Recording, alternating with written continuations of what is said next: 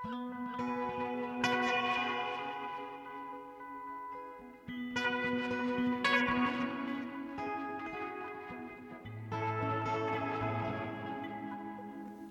sæl, kæra lustendur, í Vísjá dagsins fjallum við um óð til lífsins, þróun hugmyndarinnar um atvinnu og hugleðingar og ljóð sæluleikara.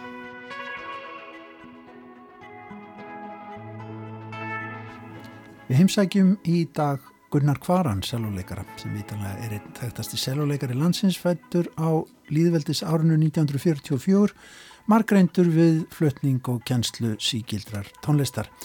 Undir lok síðasta árs kom út bókin Tjáning frá Gunnari sem er fyrsta bók hans og geymir hugleðingar hans um tónlist, trú og tilveruna auk nokkura ljóða við heimsækjum Gunnar Kvaran í setni hluta þáttarins.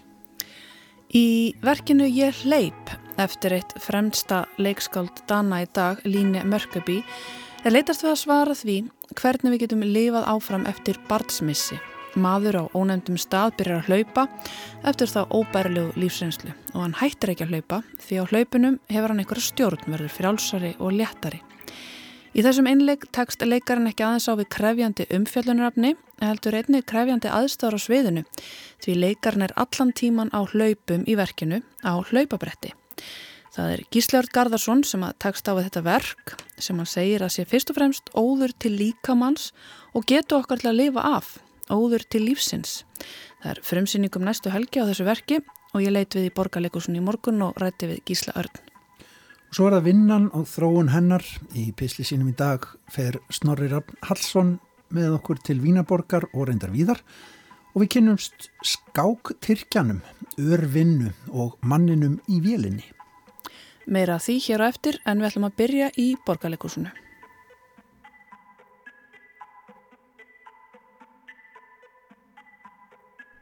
Þá er viðsjá búin að lauma sér hérna inn á æfingu á nýja sviðinu eða æfingu gísli, þetta er nú eiginlega komið hjá þér held ég, það var reynsli í gær.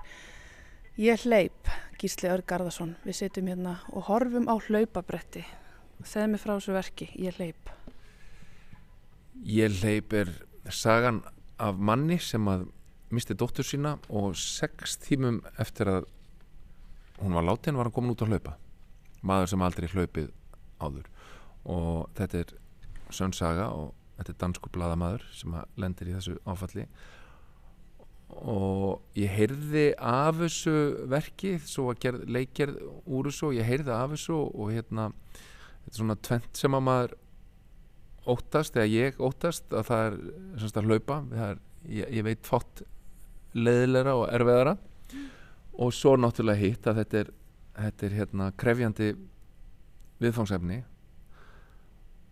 og maður þarf svona að gýra sig ákveðin hátt inn í það líka. Þannig að uh, mér fannst, svona, svona, mér fannst hérna einhver ögrun í þessu sem að, sem að svona kýtlaði mig í þessu. Og svo fekk ég hann að hörpu arna til þess að koma inn sem leikstjóra í þetta.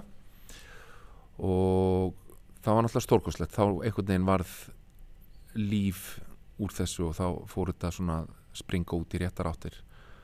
Og hérna og ég ætlaði náttúrulega að vera búin að koma mér í gott form fyrir löngu. Ég hef búin að vera með þetta hlaupabretti hérna sem að, sem að þeir hjá hreisti voru svo elskulegir að láta mig fá. Þetta er náttúrulega mjög fallið hlaupabretti. Mm -hmm. og eins og sér það er úr við. Mm -hmm. og það knýr sér á ég knýða áfram. Að það er ekki með ramagni þannig að, þannig að ég einhvern veginn kerir þetta áfram og svo erum við búin að tengja ljósin og hljóðið inn í þetta. Er algjör hérna Pálmi Ljósahönnur og Ísidór sem að gera tónlistina geggjaði strákar og ég sko, það, það er allt knúið af hlaupabrettun, þetta er svona eins og á gömlu hjólunum þegar þú settir hérna -hmm. hérna, að þú veist þarna stikkið á, á dekkið mm -hmm. og svo hjólar og þá kom ljós á, á ljós, sko það er eins með ljósin á hljóðið í þessari síningu ég knýðað áfram með hlaupunum þannig að þetta er mjög svona organísk síning mm -hmm. þannig að ef ég leip rætt þá er mikið ljós og ef ég leip hægt þá mingar það. Og uh, já eins og ég segja þetta, þetta bretti, ég fekk þetta lánað fyrir einu, tveimur árum. Þetta er búið að standa heima og stara á mig krefja mig um að, um að koma til sín en hérna ég hef ekki haft tíma til þess. Ég var náttúrulega að kafi í verbúðinni og, og hérna og, og við vorum svona að, að klára það alveg fram á síðu stundu þannig að, og svo fekk ég COVID náttúrulega bara eins og allir eru að fá og, þannig að þetta var svona það er búið að taka þetta dold á nefanum undarfarnar, undarfarnar vikur. Þannig að hlaupabrættið er búið að vera heima í stofu og þú er búin að stara á það og það á þig hefur þetta ekki verið smá svona nútur í maðanum? Já, það var alveg það var hérna mjög það var mjög það, var, það voru mistök að hafa þetta heima í stofu. Var mikil mistök af því að ég ætlaði náttúrulega að nýta þetta mjög vel en svo bara var engin tíma og ég var alltaf að fresta þessu og einhvern veginn komir undan því að, að, að gera þetta. Mm -hmm. þannig að jú, þetta er búið að hanga yfir mér doldi lengi en, en núna er þetta æðislegt vegna þess að ég er sko komið textan inn í hausin mm -hmm. ég hugsa ég verði aldrei komin í nógu gott form fyrir þetta. Símin Símin en uh, já, ég er sem sagt uh, ég kom með textan í hausin og ég komin í já, ekki, ekki nógu gott form ég, ég hugsa sko að þetta er þannig að maður kemst aldrei í rétt form fyrir þetta, þetta verður bara alltaf erfitt En þetta eru þetta ótrúlega krefjandi verk fyrir leikara. Þetta er hvað 90 minna síning og þú ert stöðugt á sviðinu. Þetta er einleikur að hlaupa og er mitt munatakstan og setja hann tilfinningu. Þetta er alveg mag mögnu vinna. Hvenar hófust eiginlega æfingar á þessu? Það er hófust í rauninni núna bara eftir áramót í januar mm -hmm. og um, svona samlega því sem ég var að klára að ganga frá verbúðinni. Þannig að þetta er búið að vera doldið svona uh, strempiferli en en það sem er einhvern veginn magnað við þetta að þetta er einhvers konar og ég held ég að hafa sagt það einhvern veginn á það þetta er svona ákveðin óður til líkamanns þetta er ekki þetta er svona ekki eins þunglamalegt eða þungt eins og kannski maður myndi ímynda sér þegar maður heyrir af þessu mm -hmm. heldur er þetta þetta fjallar á einhvern hátum þegar þú lendir í svona einhverjum missi þá sundrast tilvera fólks. Svona tímalínan hverfur það er ekkert það er, ekkert, það er engin lógík í neinu lengur. Veist, við erum öll svona alla daga einhvern veginn að fylgja einhver rútínu mæta þarna, glöðum þetta í ræktina þarna eða vinnuna þarna og hvað sem er. En svo ef þú lendir í svona áfalli þá, þá splundrast allt. Það er ekkert sem hefur uh, sko neina merkingu í, í því samhengi lengur. Sko líkaminn einhvern veginn bara tvistrast og það er ekkert lengur einhver upphaf miðja og endir. Það er bara kás og það tala margir um þetta sem að, sem að lendi í þessu og, og, og hlaupið verður þá einhvers konar leið kannski til þess að reyna að rafa sér saman aftur uh, hjá fólki og, uh, og hérna og þá er það líka það að líkamenn hefur sko, hvað getur við sagt? Mörg þúsund ára reynslu af áfall, áföllum. Mm -hmm. Við, ég held að líkaminn er hann er svo miklu stærri og meira en við náum einhvern veginn utanum í, í, í skilningi okkar. Þannig að við erum alltaf að reyna að hafa allt í orðin í hausnum en ég, ég hugsa að flestir upplifi að svona dagstaglega er við doldið svona aftengt líkamannum mm. Vist, lífi okkar er allt í hausnum. Hvað hérna veist, hvernig mér líður, hvað ég er að fara að gera einhverja væntingar, eitthvað allt þetta, en svo þegar þú lendir í einhvers konar áfalli að þá fer eitthvað í gang í líkamannum, þá er einhver bara sjötta vittina, ég veit ekki hvað þú vilt kalla það það, það fer einhvað stað, líka minn kann einhvað sem að við erum ekki meðvituð um og að þýleiti til er þetta einhver stórkostlegur óður til líkamanns og þess bara hvað við erum magnað tæki mm -hmm.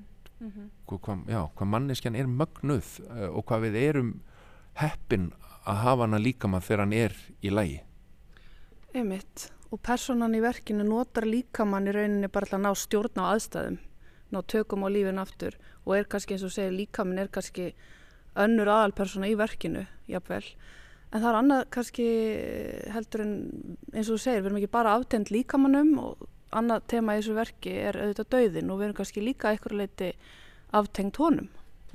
Vissulega og það var kannski önnur önnur ástæða fyrir því að ég, mér fannst þetta áhugavert. Það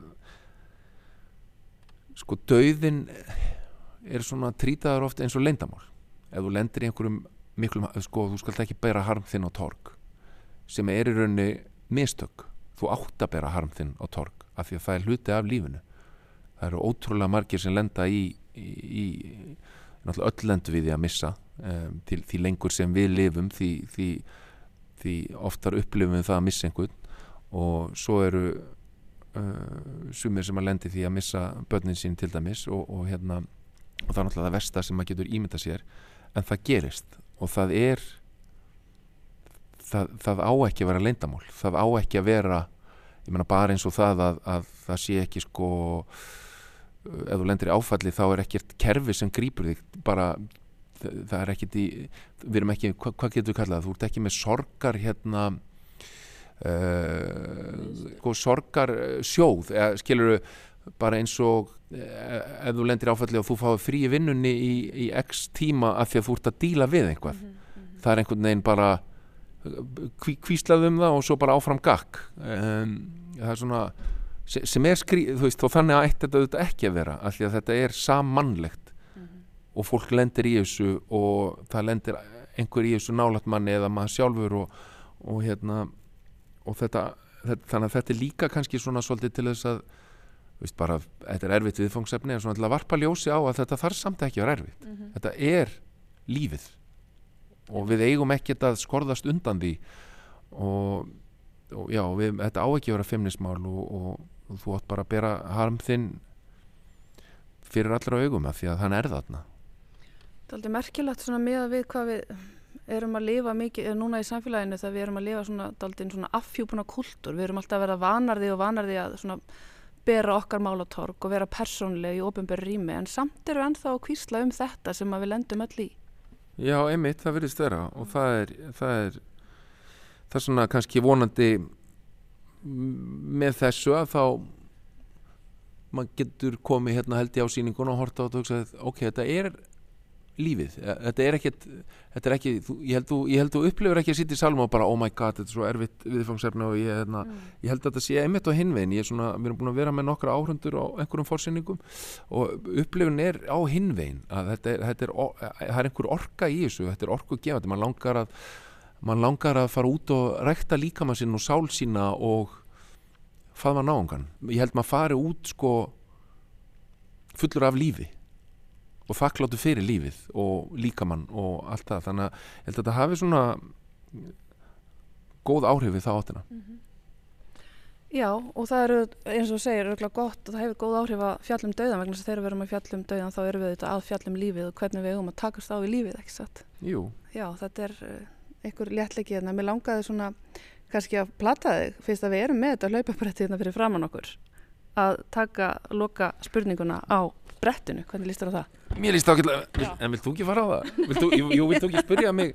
Þú, Já, þú ætti að spyrja mig loka spurninguna okay. á brettinu. Við prófum bæði. Já, þá, þá hérna, já, þá getur þú að stígu hérna upp á upp á pallin Ég held þér að fara úr göngskonum, já, já. Ok. Ég skal halda í þessu fljúin og ekki hérna fram af Já, það er spurning hvort ég ná að upphugsa spurningu á brettinu. Jésús Þú var aldrei mig Já, ég held í mig Gísli, segðu mig frá textanum, auður afa, hún er að þýða hennar texta sem að ég hefur fengið mikið lof út um allan heim. Já, hún er náttúrulega enn einn snillíkur sem kemur að þessu. Heyrðu fyrir ekki, nú tekur þú við, svaraði mér með þú? Hún, hún hérna er náttúrulega bara st st stórkostlega hún auður og hún kendi mér sko í listaháskólunum og ég hef alltaf verið sko mikill aðdáðand hennar. Þannig að það var algjör lukka fyrir okkur að fá hana til þess að þýða þetta og nú er bara klukkutíma og 27 mínútur eftir já, þetta er þetta er algjörður rugg Sviði verður sannilega freka mínimalist eða ekki? Já, jú, en það er samt svona að spilast hérna út um allt og, og hérna það er alveg ótrúlega hvað er þetta búið til marga heima eh. í kringum eitt löpabræti Herði, ég er bara orðin mjög spennt að sjá. Gísla Örd Garðarsson, takk fyrir spjallið, takk fyrir að henda þér að hlaupabrætti. Við erum bæði móð eftir þetta, þessa stuttstund. Já, þetta er lúmst sko. Þetta er svona, sjálf, eins og ég segi, sjálf kníjandi bretti. Þetta er ekki úr ramagn. Þannig að ég segja það sem meira sér erfiðara líka. Heldur en venjuleg bretti. Það, það var svona, svona bónus sem að enginn vissi af. Herði, ertu byrjar að hlaupa annars? Allar haldur svo áfram? Þegar þetta er búið? Já. Ég um, efast um það en, ég, en það var planið en ég ætli verið ekki að koma algjörlega upp í kokk af, af laupum eftir þetta Sjáum til Gísli, takk fyrir og til hamingju og gangið vel á frumsýningu. Takk fyrir kjælega.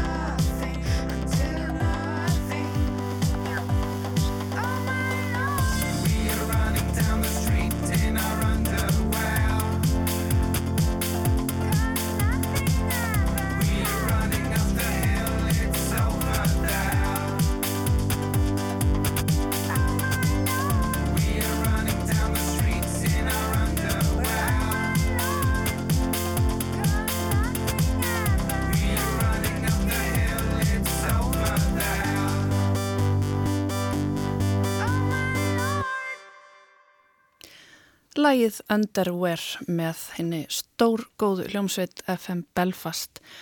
Ákveðin óður til lífsins þetta lag, líkt og verkið Ég hleyp sem við rættum þar áður við Gísla Örn Garðarsson. En það verk eh, verður frumsýnt á föstu dag í borgarleikusinu. Já, en þá ætlum við að huga eins og við gerum stundum á þriðu dögum hér í Víðsjá að vinnunni því að Snorri Raffn Hallsson, hann er stattur og búsettur í Vínaborg og þangað förum við með honum í huganum. Í dag kynnumst meðal hans skáktyrkjanum, heyrum hvað Snorri Raffn Hallsson hefur um þróun vinnunar að segja.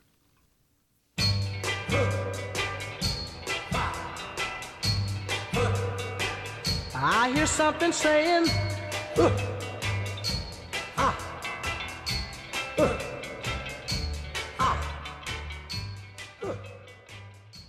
Á skrifborðinu mínu stendur kaffikrús. Í henni er þó ekkert kaffi, bensín, lífsins, heldur pennar og vasanhýfur. Glerugnaklútur, eitthvað klink og nokkrar raflöður. Allt þetta sem er gott að hafa hennan handar þegar nútíma maður eins og ég þarf að koma einhverju í verk. Krúsin er blá og skreitt mynd af þeim Joppa, Koppa, Vippa og Ippa Daltonbræðrum þessum sem lukkuláki er sífælt að eldast við. Á myndinni eru þeir lekkjaðir hvorfi annan með hakana á lofti, tilbúinir að mölva grjót allan liðlangan daginn í refsivistinni sem býður þeirra í lok hverjar teknumyndasögu, þegar lukkuláki hefur hendur í hárið þeirra og kastar þeim enn einu sinni í steinin. Þetta er minn múmínbolli og undir myndinni stendur svörtum stöfum í kúrekalegu letri Monday morning. Mánudags morgun, eins og þegar þetta er skrifað. Svo kól bygga svartur mánudags morgun að ekki einu sinni grámóskan hefur tækifæri til þess að láta að sér kveða og kaffið í hinum bollanum, þeim sem ég nota í sínum rétta tilgangi og ég drekk úr, virðist glóa í samanburði við myrkrið. Mánudags morgun og við vitum öll að það þýðir það sama fyrir okkur og það þýðir fyrir Daltón bræðurna vinna. Það myndi litlu breyta þó úti skartaði sólinn sínu fegursta og fugglarnir byðu góðan dag með söng sínum. Drungi mánudagsmorna spyr ekki um veður eða hvar við erum stödd. En það er hann ekki náttúru fyrirbæri heldur mannana verk. Þessi tilfinning sem ringir inn vinnuvikuna minnir okkur á kvíðan og álægið. Öll verkefnin sem býðamann svo virðast aldrei ætla að klárast. Það er mánudagsmorgun og komin tími til að ganga til liðs við keðjugengið á ný. Sittja föst í umferðinni til að komast þangað sem einhver annar heyrðir virðisaukan af því sem við leggjum á okkur næstu áttatímana eftir það. Sittja svo ennfastar í umferðinni á leiðinni tilbaka. Þar sem heimilisverkin býðamanns þannig maður getur loks hallað höfði. Sofið sína 6-8 klukkutíma undir vökulu auga snjallúrsins og vaknað svo aftur daginn eftir og hugsa með sér í nýju en samt alveg eins þriðjudagsmyrkri, það er allavega ekki mánudagur. Áður en maður endur tekur leikin á ný, hefur hakan á loft og lemur í grjótið. En til hvers erum við eiginlega að þessu? Ef vinnan er svona mikill streituvaldur en svo margóft hefur verið bent á. Ef vinnan veldur svo miklu álægi og tekur svo mikinn tíma og orku frá fólki, að það er lítið eftir aflögu fyrir allt hitt sem þarf að sinna, allt hitt sem hann raunverulega langar til að gera. Til hvers erum við eiginlega að þessu? Af hverju vinnum við? Af hverju gerum við ekki bara eitthvað allt annað? Svarið liggur í augum uppi, þó helst skuli maður ekki hafa orð á því vegna þess að það stangast á við stórsöguna um gildi og tilgang vinnu sem nú ræður ríkjum. En svarið er einfalt. Við þurfum að vinna.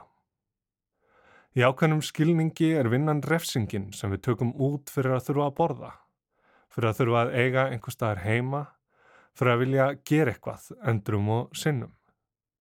Vinnan er refsingin fyrir þann glæp að vera á lífi og fylgur því ávalt í sér nauðung.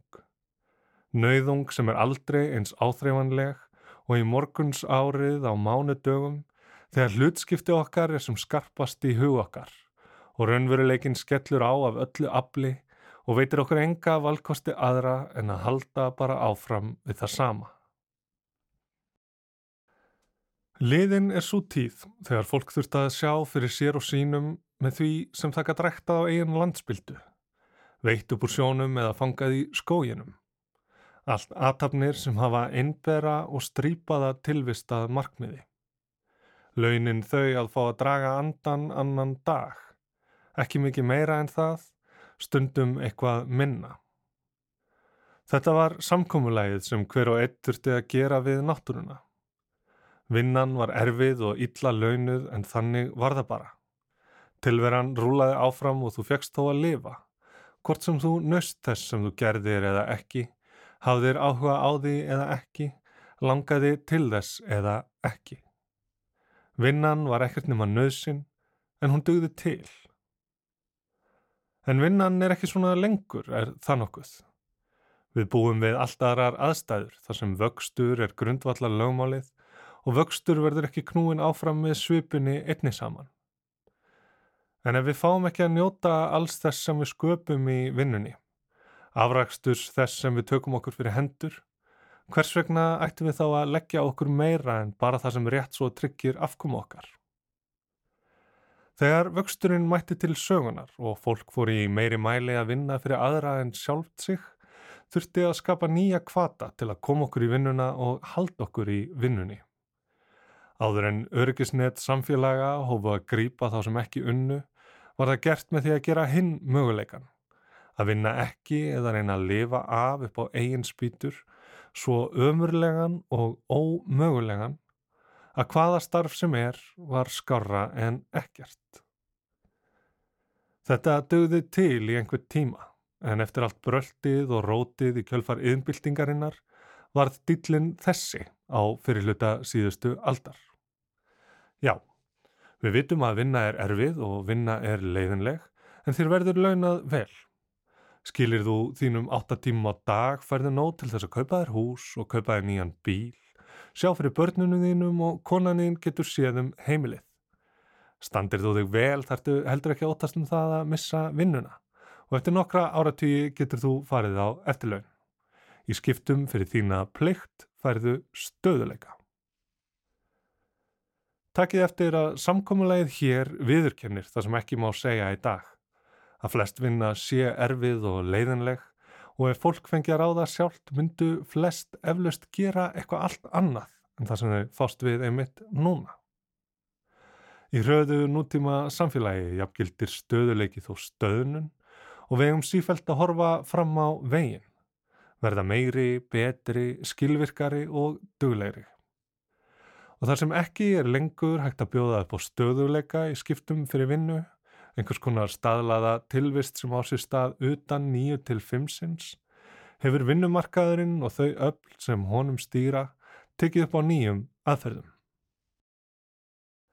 Atvinnumarkaðs hugmyndafræði miðar meira á minna því að festa í sessi þá hugmynd að við lifum til að vinna, í stað þess að við vinnum til að lifa eins og það ætti að vera.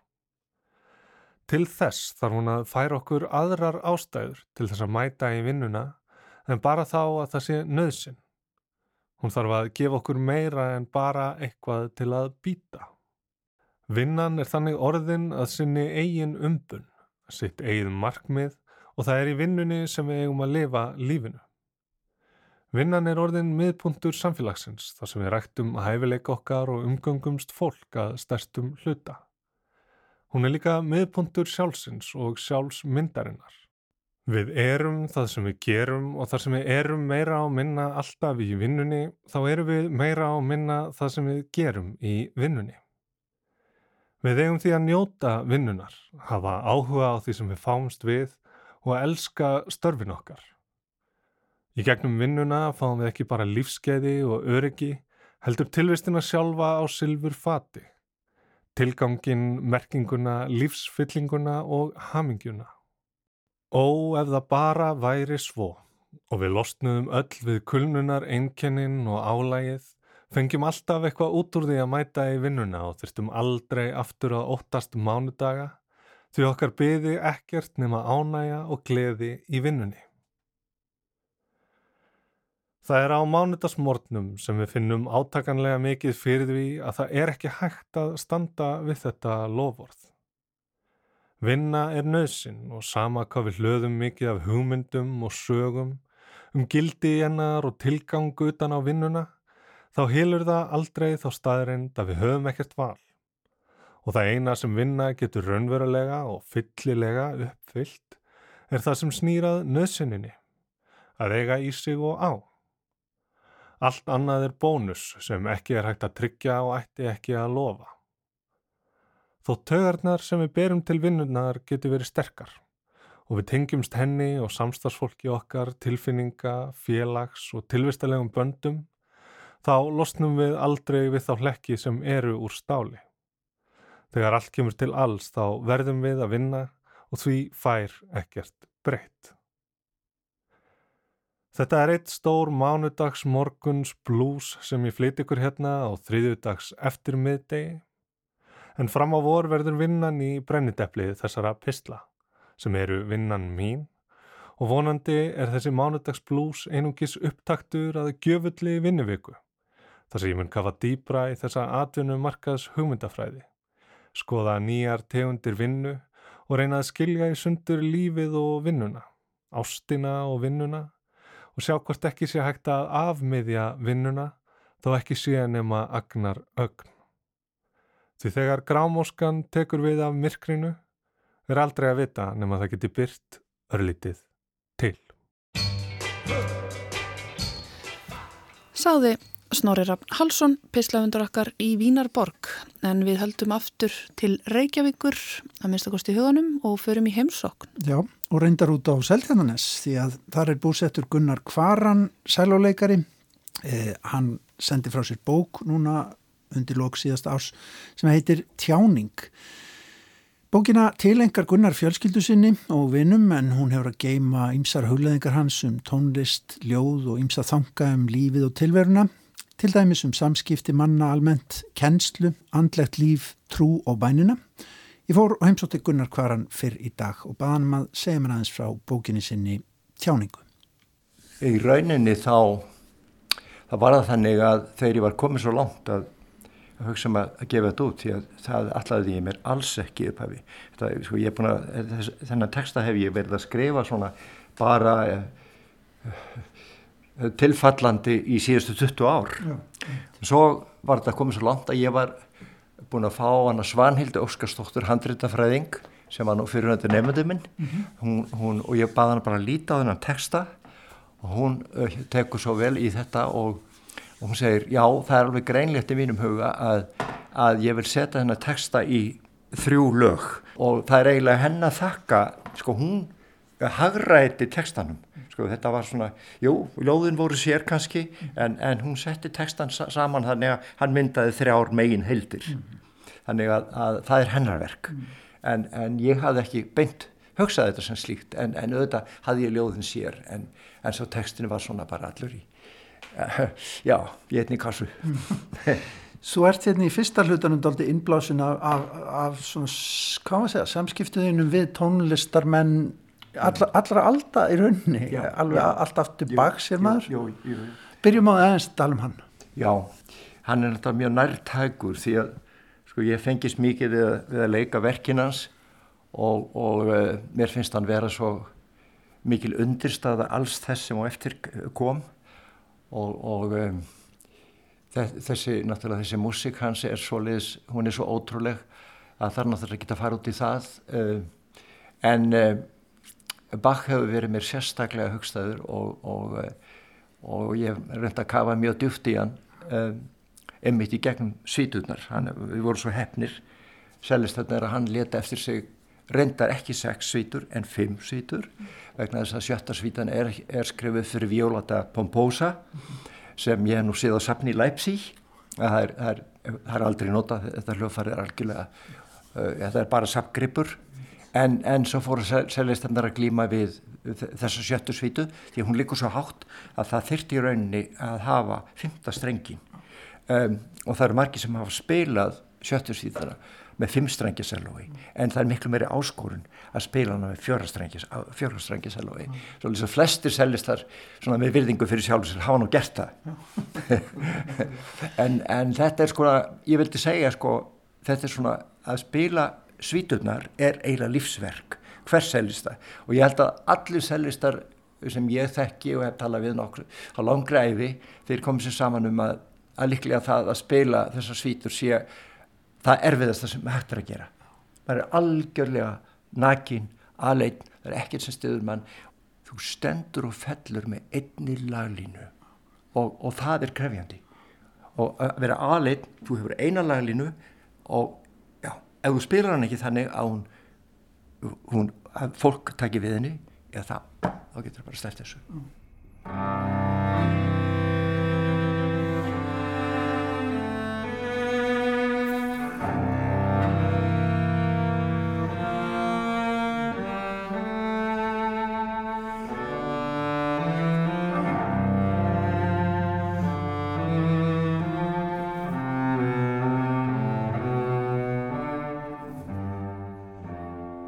skrifar þarna aðeins út frá Saraböndunum í svítunum. Já, já, ég Eh, geri. Sex, sagt, hægum köplum innan úr hverri svítu. ég a- Hvernig hérna, getur aðeins velti fyrir þér hvernig músíkin hefur áhrif á textaskrif þín? Ég skal segja það að þetta er aldrei sérkennilegt með þessu skrif mín um Saraböndunar fyrir, ég hugsa að sé að minnstakosti 20 ár síðan. Þá hringdi í mig og sagt, heyrðu, okkur langar til þess að þú spilir allar sex Saraböndunar en, og við viljum gerna þú, þú segir eitthvað um þær en það má ekki vera fræðilegt. Svo ég hugsaði mér hvað á ég að gera? Ég meina, ég má ekki vera fræðilegur. Hvað get ég gert? Ég settist niður og á einum eftirmiddagi komu þessir, þessar hugleðingar inn í huga minn, ég gæti það niður og farið og flutt þetta og síðan hefur þetta bara fyllt þessu að ég vildi ef ég hef verið að oft hef verið að bara spila svítur þá hef ég lesið uh, textan úr þeirri saraböndu sem fylgir svítunum sem ég er að spila. Áður nú heldum áfram Gunnar ef við kannski að gera smá tilraun og, og fá þið til að lesa eina. sem sagt titillinn við saraböndu úr einlegsvitunumur þrjú í sétur er Sigur Andans. Í þeim heimi sem við nú störfum og lifum í eru verkefni okkar oft nátengt þröngum skilningi og tólkun skinnfærana. Stundum er hinn efnislega træða svo mikil að allt líf manna miðast við að tryggja sér falst öryggi í grófgerðu efni. En andin blundar og býður færis því eilíðurverkefnin eru óþrjótandi.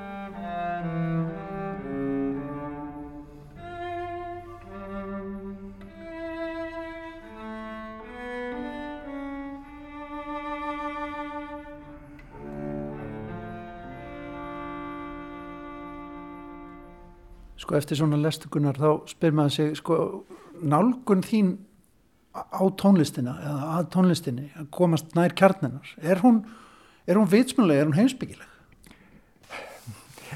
Ég, ég get eiginlega ekki svarað þessu, Gunni, uh, sko, vitsmennulega eða heimsbyggilega eða, eða hvað hún er. Sko þetta er bara það sem ég skinjaði þarna þennan eftirmiddag þegar ég settist niður og hugsaði mér hvað á ég að gera. Ég er með sex haraböndur og ég þarf að skrifa uh, texta við þær og bara, þá kom þetta bara yfir mig. Og, og ég, ég settist niður og skrifaði það. Hvort það er heimsbyggilegt eða vitrænt eða, eða, eða, eða hvað það er ég, ég, ég get ekki svarað því. En þegar þú glýmir við til dæmis nýja músík eða hefur glýmt í gegnum tíðina, Já, sko, hefur þá hefur þá reynd að skinjana með eiginlega öðrum skinningafærum en þessum sem að, sem að koma við hljóðfærið einhvern veginn, sko, ég meina, er, Já. er þetta dýpri leið? þetta er algjörlega horrið sko, ég, já, það má segja ég hef reynd að kafa mjög, mjög djúft í, í sko, náttúrulega líf tónskáldsins en líka hugsunargang og um, og það kemur líka fram í bókinni þar sem ég skrifa um bæð um tekni og um það að flytja tónlist. Eh, það er alveg eh, sko náttúrulega lífsverkefni að kafa og maður getur endalust kafað í þessu stóru tónskáld að þau eru svo djúb og þau eru svo margræð og það er líka hægt að spila það á svo margvíslegan máta. Það er nefnilega það stórkoslega við það þau eru svo stór, sjá, tökum bak ég meina, hvað hefur við ekki hýrt margar útsetningar af verkum baks og ef það er vel gert þá, virk, þá virkar það. Vegna þess að músikin, hún þólir það, hún er svo stór. En auðvitað uh, ég meina þegar maður hugsaður um tónskáld eins og Sjöstakovits og Beethoven og, og þe- þennan ótrúlega þessi ótrúlega örlög sem þeir fóru í gegnum. Um, en samt uh, og kannski innmitt af því þeir gátu skapað þá komast þeir út úr þessum hrikalegu aðstæðum. Og ég skrifaði mitt um, um þetta ég skrifaði hugleðingar bæðum Beethoven og Sjöstakovits sem ég reyndar upplýði Sjöstakovits upplýði, ég, ég var með honum á tónleikum. Og, og, og hérna og það voru ótrúlega sterk áhrif. Og þau setja mjög mikið í mér þegar ég hef spilað músik eftir, eftir hann eftir Sjöstakovits. Hvar gerðist það? Hvar varst á tónleikum? Ég, sko, var, þetta, var tónle, þetta voru tónleikar honum til heiðurs því hann, hann fekk verðlun í Köpenahöfn því ég bjóð þar. Um, Sonningverðlunin tónlistarverðlunin og þetta voru kammertónleikar. Og það var svo skrítið eins og þessi maður var ótrúlega frægur. Það var mjög fátt á þessum tónleikum. Það var bara örfa og ræður og ég satt svona, ég satt fyrir aftanan svona tveimur sætaröðum þannig að ég hefði næstuði geta tekt mig í hann. Og hann satt þarna svo einmanna og, og, og saman beigður og, og, ég hugsaði um mér ég, ég fekk svona óstjórnlega lust til að standa upp ganga á hann og faðmann og, og bara tjá hann þakklæti mitt fyrir það sem hann hefði gefið heiminum. Og en ég fann ég bara skinjaði í, í einni sjónhending uh, þess, þetta sem þessi maður hafði farið í gegnum en stóð samt uppi sem sigurvegari og það eru bara já, ég segi, það eru bara menn eins og Beethoven og Sjöstakovits og náttúrulega aðrar manneskjur sem hafa styrk til þess að geta skapað stórkortlega listaverk undir þessum kringumstæðum sem þeir liðu við. Og þetta er mjög ólíkt en samt. Sko, það er ímislegt annað, það er, tónlist er svona djúpur þráður í þessari, þessari bók, gengur í gegnum hana kannski, en, en hérna, það er ímislegt annað svona sem að hvílir á þér, finnst manni í þessari bók og þú þarft að koma frá þér. Það er alls konar svona sín á bara samfélag okkar manna, hvernig við hugsum, þú ert aðeins að kroppa svona í lífsgæðakaplöpið og græðkina og hitt og þetta sem þú sérð svona í kringuði. Hvernig hérna, hvaða tjáningar þörf er þetta hjá Gunnari Kvaran selvoleikara? Já, sko, ég hef skrifað margar bladagreinar um ímismál, uh, meðal annars um, um, já, bæði um samskipti manna og, og auðvitað um loslagsmanna og, og þetta hefur verið mér mjög hugleikið. Sko, mér finnst, sko, persónlega, þetta er náttúrulega svo misjamt, hvernig fólk er.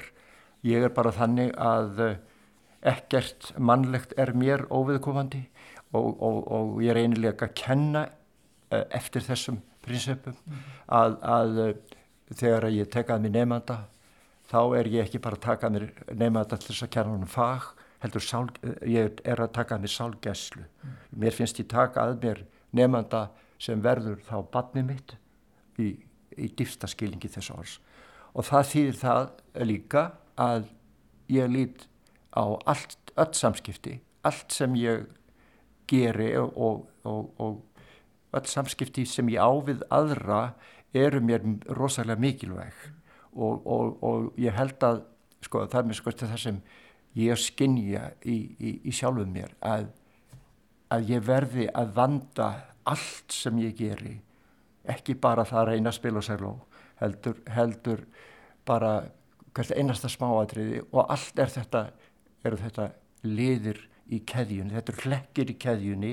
Þannig að, að, að e, maður verður að reyna að vera heill í öllu sem maður gerir hvort sem að það er að, að spila eða skrifa eða hafa samskipti e, og, og maður verður að hafa ábyrð það fylgir því mikil ábyrð að vera manneskja. Ég hef stundu satt að ganni sko á ennsku it's a full time job to be a human being. Mm -hmm. og, og, og, og það er það í rauninni ef maður tekur hlutverk sitt alvarlega. Ég er ekki þar með að segja að þetta sé allt saman óskaplega alvarlegt og maður getur aldrei hleyið eða skemmt sér en það, það er svo margt dásamlegt í lífinu. En það er líka margt sem, sem er þannig að við stöndum anspænis mjög alvarlegum hlutum sem við verðum að taka á ef við ætlum að halda áfram að þróast uh, sem mannverur hér á þessari jörð þá eru ymsir hlutir sem við verðum að laga sem eru bara algjörlega nöðsynlegur ef við lögum. Og við erum komnir eins og ég las hérna í sambandi við þriðju sarabandina þá erum við komnir ansi langt uh, finnst mér í mörgum tilfellum burt frá hinnu andlega. Við, mér finnst við uh, sko það er, það er mikil menning í gangi það er mikil gróska. En svona ef ég líti á þetta sem heild þá finnst mér um, þá finnst mér við þurfum að líta svolítið inn á við. Við þurfum að rækta um, þetta sem við í rauninni nærumst á og það er andin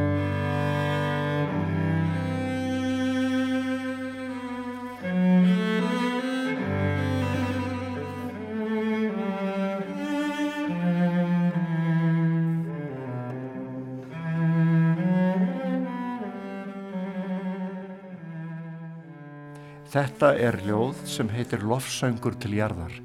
Ég var búin að vera í tónleikaferð í Kína fyrir 12 árum og uh, það var dásamlegt veður alla leiðina. Við fórum frá Beijing til Kaupanahafnar. Það var heiðskýrt alla leiðina. Ég satt við glugga og ég horfið á jörðina og það kom, þessi, kom þetta ljóð til mín sem ég tilengar reyndar Andra Snæ Magnarssoni Ó þú dásamlega pláneta, nú hef ég svefið yfir lendum þínum í fljúandi áldreka, yfir fjöllum, ökrum, dölum, eyðimörkum, skóum, vötnum og fljótum. Í sjónhending skinnjað fegur þína, frjósemi, stórbrotið form þitt og mikil fengleik. Í þúsundir ára hefur þú nært okkur fætt og klætt. Mikil er ábyrð okkar nú á ögur stund. Eru við verð þess trösts sem þú hefur sínt okkur með fordæmið þínu og ólýsanlegu jafnaðar geði. Við, börnin þín, höfum nú mátt til að knýja þig til uppgjafar og þar með binda enda á sköpun þína, fegurð og umhyggju. Eru þetta örlög barna þinna að skera endanlega á þann lífstreng sem enn titrar og hljómar.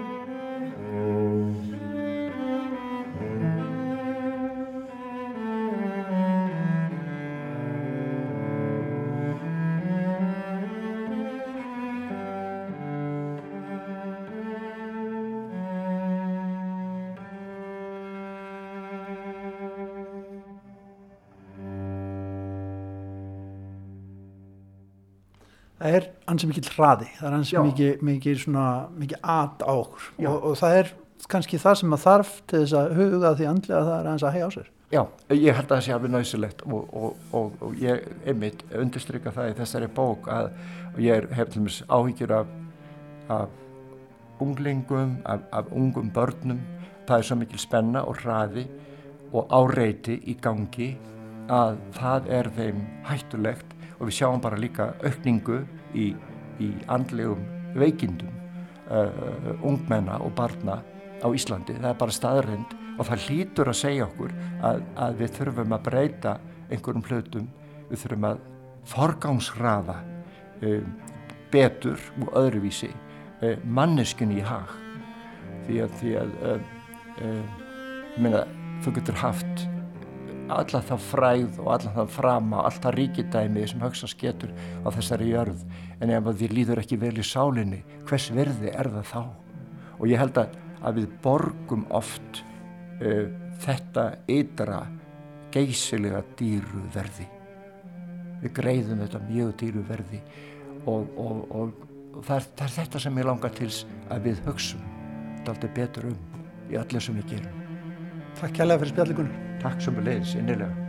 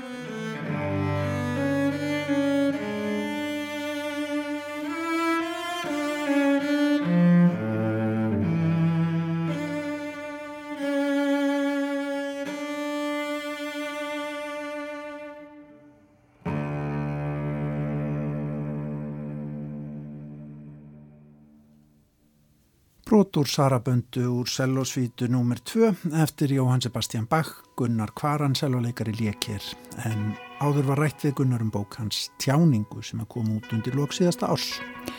Og þá eru komin að leðalokum í dag, ekki satt kunni? Jú, heldur betur. Takk fyrir samfélgina í dag og verið sæl. Verið sæl.